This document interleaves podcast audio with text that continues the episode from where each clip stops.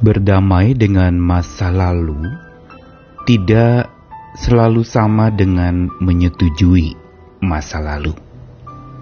Berarti ada hal-hal di dalam masa lalu kita yang mungkin kita masih tidak setuju bila itu sudah terjadi.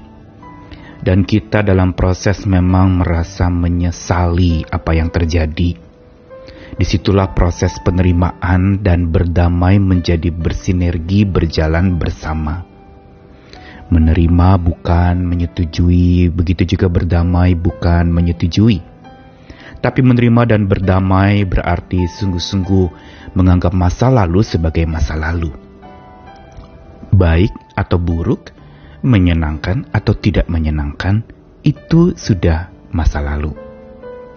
Dan bukan itu saja menerima dan berdamai dengan masa lalu itu adalah sebuah proses yang perlu kita jalani seiring dengan berjalannya waktu. Apalagi menerima dan berdamai dengan masa lalu ini urusannya memang kebanyakan tentang waktu. Tentang apa yang memang sudah berlalu.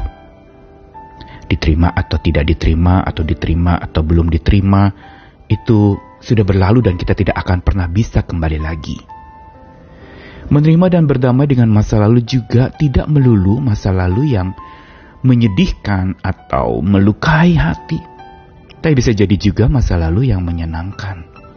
Yang kita mau ulang lagi, yang kita mau kembali membuat settingan hari ini seperti masa lalu lagi. Dan karenanya lalu kita sulit untuk move on, membuat jiplakan dari masa lalu di masa kini yang sebenarnya tidak akan pernah bisa sama serupa tapi tak sama. Inilah dinamika menerima dan berdamai dengan masa lalu. Bukan menyetujui, tetapi ada kesepakatan untuk memahami bahwa yang memang masa lalu adalah masa lalu. Ada sebuah kesepakatan untuk berdamai bahwa masa lalu itu baik atau buruk adalah sesuatu yang kita patut terima. Dan kita patut pahami itu hanyalah dan jadi sebuah sejarah buat hidup kita. Kita toh tidak pernah akan bisa mengulangnya. Kita bisa membuat jiplakannya, tapi lukisan asli sekalipun dibuat replikanya atau jiplakannya tidak akan pernah sama seperti aslinya. Karena itu kita perlu belajar untuk menerima dan berdamai dengan masa lalu kita. Tetapi kita tidak sendiri dan jangan pernah lakukan itu sendiri. Karena kita bukan penguasa waktu. Kita hanya orang-orang yang menjalani waktu, tapi bukan pencipta dan penguasa waktu. Ada yang lebih berkuasa dari itu. Ayo, kita kenalan dengan Dia supaya kita bisa berdamai dengan masa lalu kita.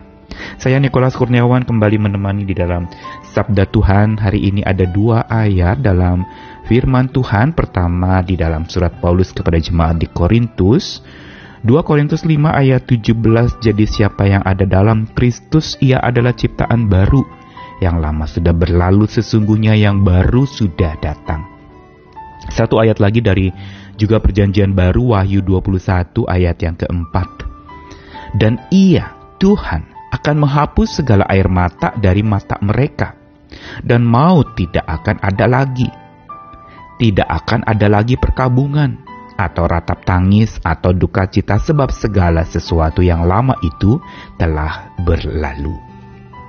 Dua bacaan tadi dalam dua konteks yang berbeda. Pertama adalah berbicara tentang sosok manusia baru yang sudah dibarui oleh kasih Tuhan.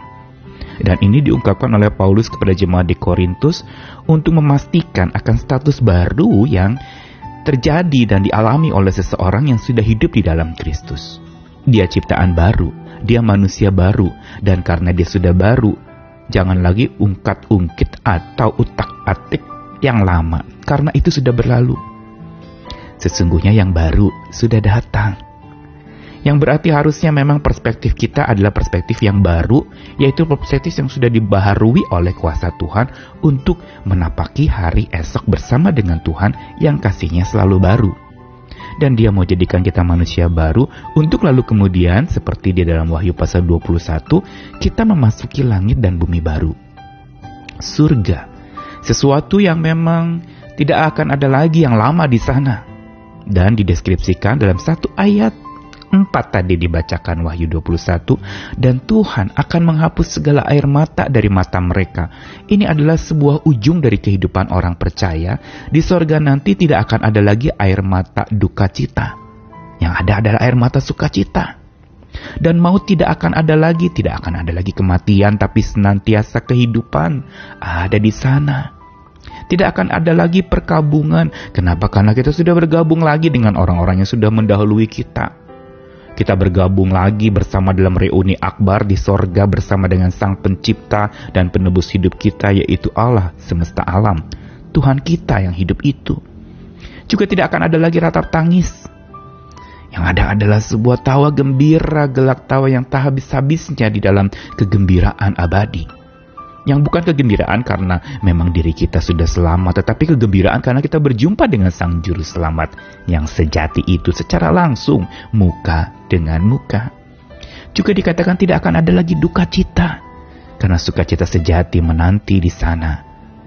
Dan dikatakan dengan garis bawah yang penting kita harus ingat ini sebab segala sesuatu yang lama itu telah berlalu. Ditegaskan lagi sama seperti tadi karakteristik manusia baru yang lama sudah berlalu, yang baru sudah datang, dan sekarang di langit dan bumi yang baru dikatakan segala sesuatu yang lama itu telah berlalu. Ini sebuah janji dan pengharapan hidup orang percaya. Bahwa di tengah-tengah segala macam kegalauan hidup kita akan masa lalu yang kita masih belum terima dan kita belum bisa berdamai dengannya. Tuhan sediakan di ujung sana ada masa depan yang baru dan selalu baru bersama dengan Tuhan di langit dan bumi yang baru. Ada hidup yang senantiasa penuh dengan kegembiraan dan itulah ujung hidup kita membuat kita saat ini ketika mengalami lagi pengenangan akan masa lalu yang menarik kita jadi seperti magnet dan kita nempel lagi ke sana. Jangan kelamaan nempelnya. Terus lihat kepada apa yang ada di ujung sana. Ada kegembiraan yang Tuhan janjikan.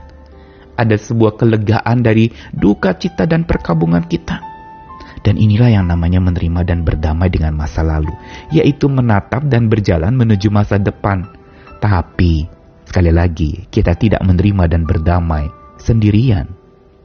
Kita melalui itu, penerimaan dan perdamaian dengan masa lalu itu hanya bisa dilalui bersama dengan Sang Maha Damai yaitu Allah Tuhan kita itu.